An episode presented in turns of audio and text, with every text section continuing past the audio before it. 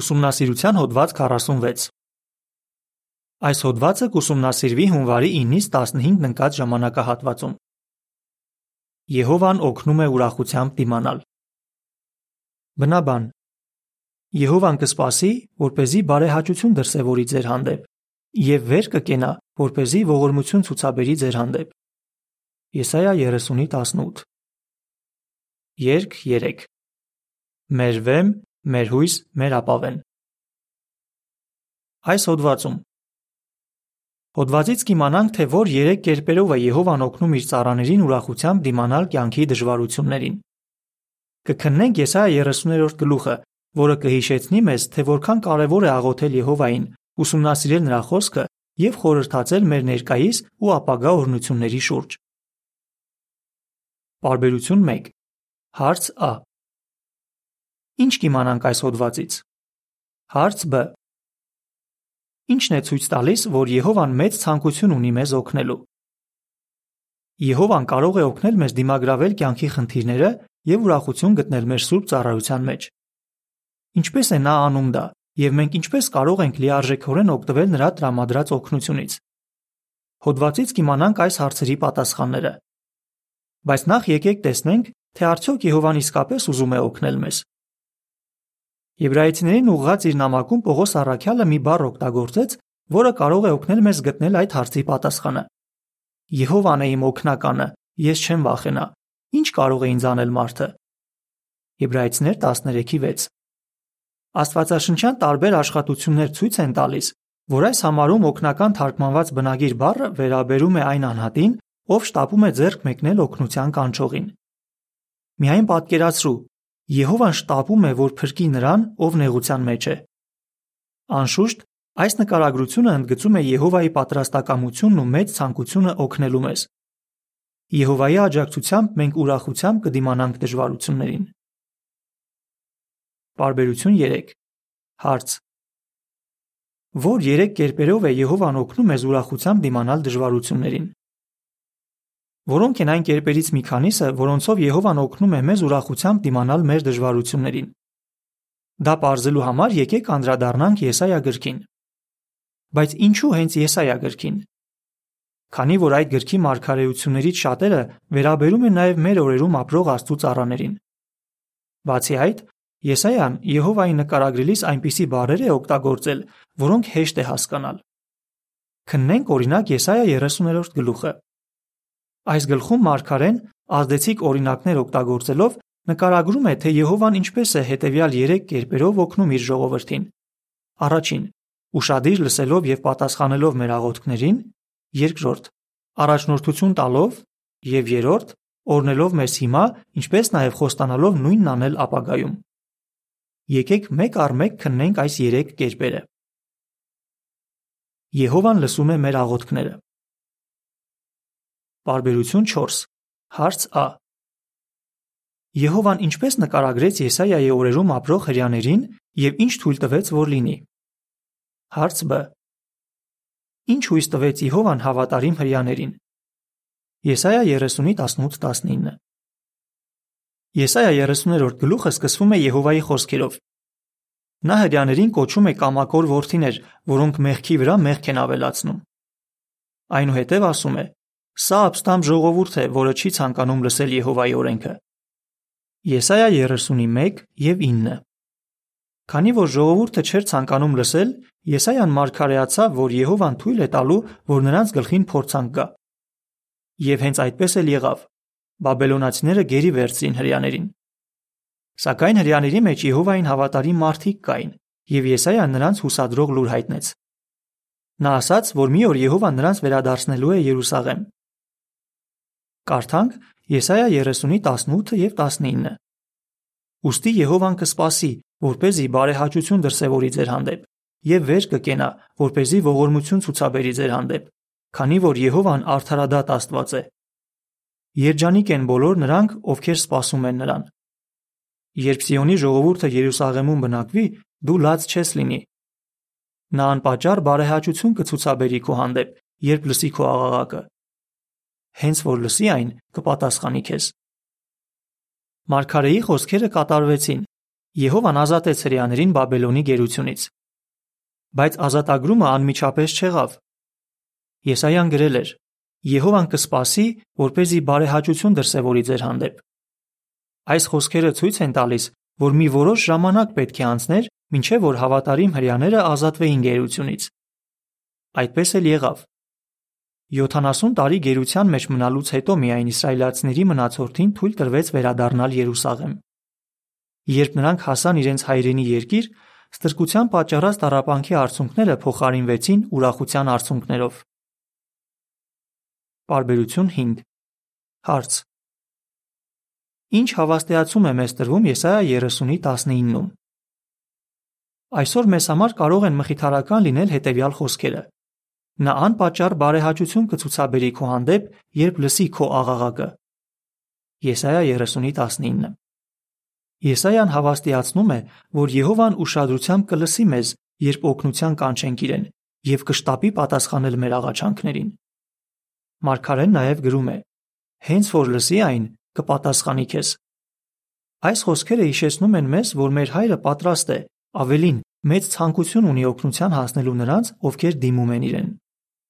Այս բանի գիտակցումը կօգնի, որ ուրախությամբ դիմանանք դժվարություններին։ Բարբերություն 6 Հարց. Եսայայի խոսքերը ինչպես են ցույց տալիս, որ Եհովան լսում է իր յուրաքանչյուր ծառայի աղոթքը։ Եսայա 30:19-ում մեր աղոթքների վերաբերյալ եւս մի հավաստիացում է տրվում։ Եհովան ուշադրությամբ լսում է յուրաքանչյուրիս աղոթքները։ Ինչու ենք այդպես ասում։ 30-րդ գլխի սկզբում օգտագործված է դուք դերանունը, քանի որ Եհովան դիմում է իր ժողովրդին որպես խմբի։ Սակայն 19-րդ համարում օգտագործվում է այդ դերանվան եզակի ձևը, քանի որ Եհովան իր խոսքերն ուղում է առանձին անհատների։ Եսայան գրում է. Դու լաց չես լինի, Նա անպատճառ բարեհաճություն կցուցաբերի քո հանդեպ, կպատասխանի քեզ։ Լինելով սիրառատ հայր, Եհովան իր վհատված որդուն կամ դստերը չի ասում. Դու քո եղբոր կամ քրոջ նման պետք է ուժեղ լինես։ Ընթակառակը, նա հոգ է տանում յուրաքանչյուրիս մասին եւ ուշադրություն է դարձնում ամեն մեկիս աղոթքին։ Բարբերություն 7 Հարց. Եսայան եւ Հիսուսը ինչպես են ընդգծում հաստատակամորեն աղոթելու կարևորությունը։ Երբ աղոթում ենք մեզ անհանգստացնող խնդրի մասին, Աստված գուցե առաջին հերթին մեզ դիմանալու ուժ տա։ Բայց եթե փորձությունը չի ավարտվում մեր ակնկալած ժամանակին, թերևս կարիք լինի, որ շարունակ խնդրենք Եհովային զորացնի մեզ։ Եհովան ուզում է, որ այդպես վարվենք։ Դա հստակ երևում է Եսայայի հետևյալ խոսքերից. Հանգիստ մի տվեք Եհովային։ Եսայա 62:7 Ինչ են նշանակում այս խոսքերը։ Մենք այնքան հաստատական պետք է լինենք մեր աղոթքներում, որ այսպես ասած հանգիստ չտանք Եհովային։ Եսայայի խոսքերը հիշեցնում են մեզ աղոթքի մասին Հիսուսի բերած օրինակները, որոնք արձանագրված են Ղուկաս 11:8-ից 10 եւ 13 համարներում։ Հիսուսը հորդորում է, որ աղոթենք հաստատակամությամբ եւ շարունակենք խնդրել Սուրբ Ոգին։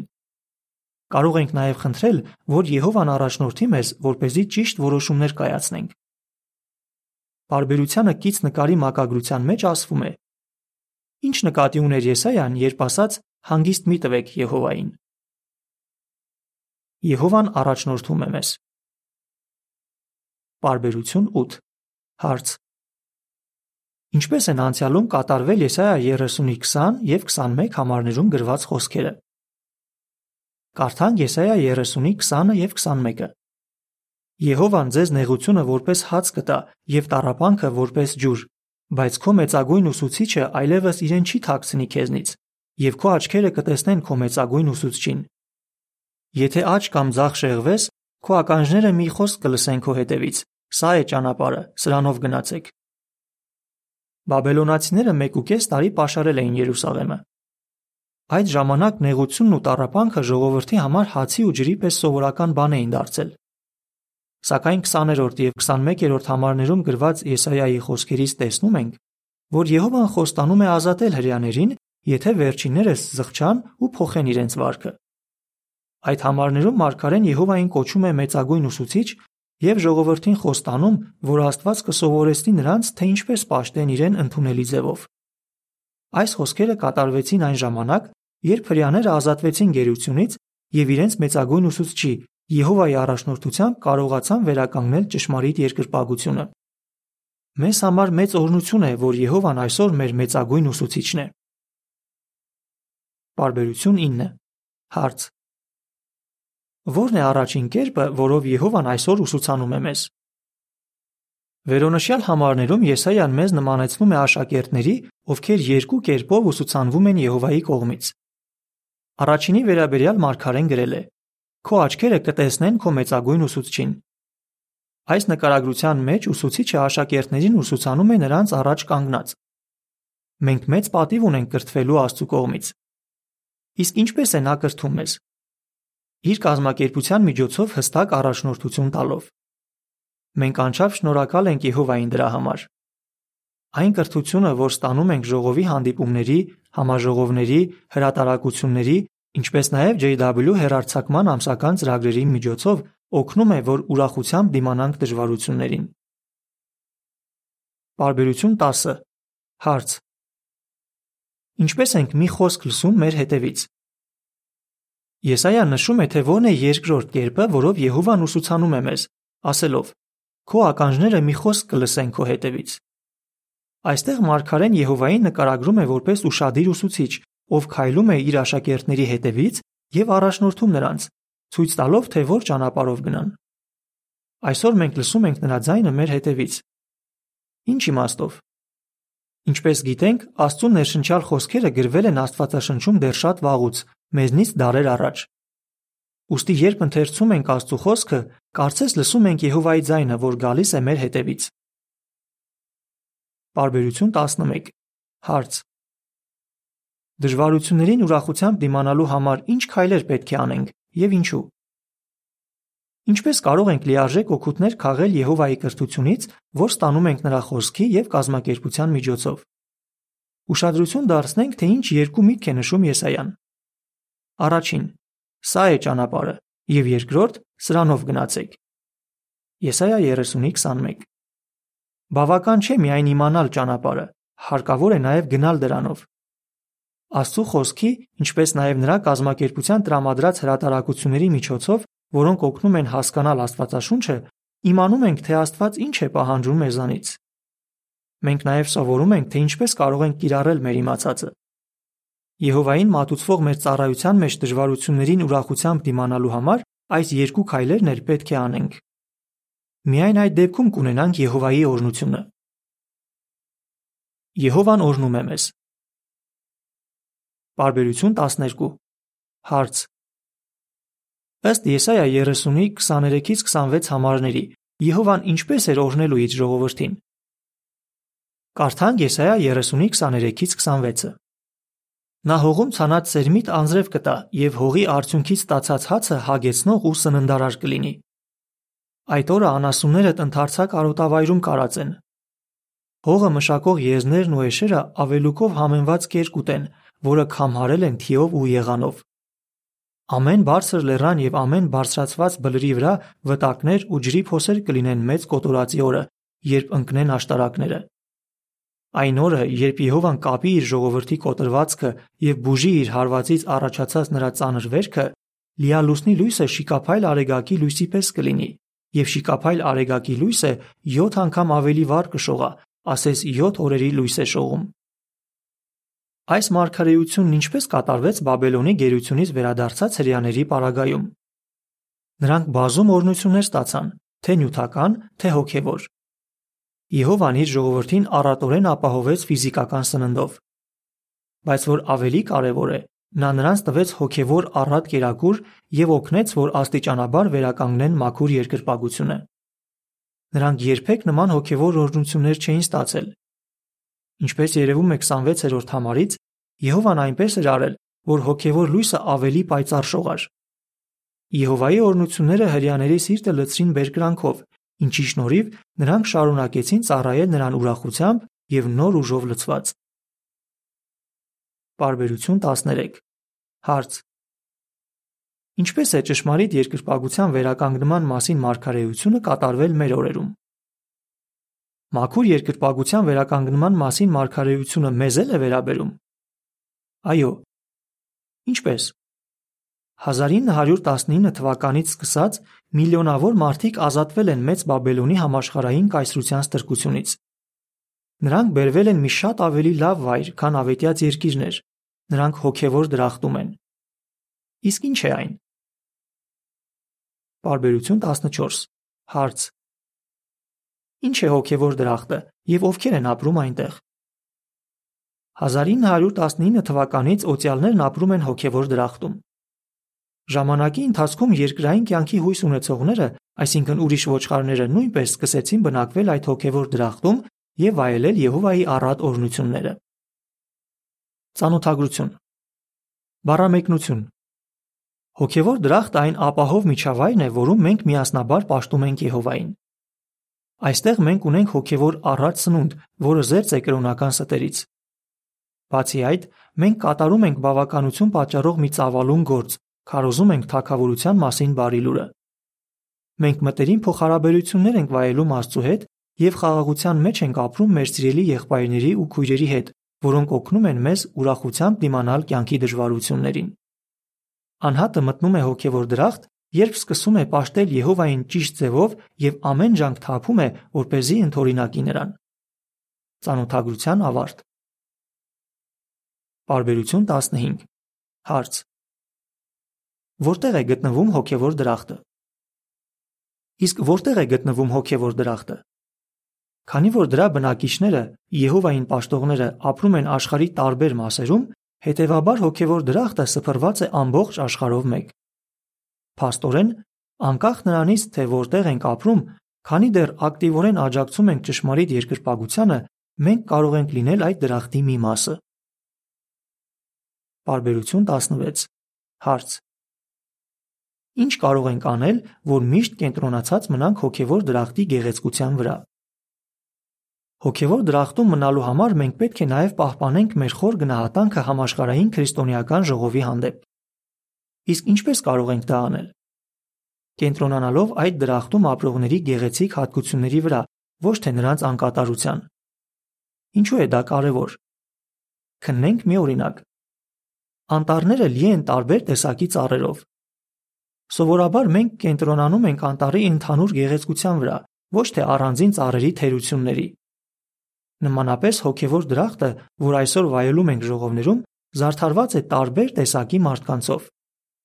Մենք պետք է ձգտենք կենտրոնանալ մեր համաշխարհային միասնական ընտանիքի ընդհանուր գեղեցկության վրա եւ չպետք է թույլ տանք, որ մեր կամ հավատակիցների անկատարությունը պատճառ դառնա, որ այլևս չտեսնենք այդ գեղեցկությունը։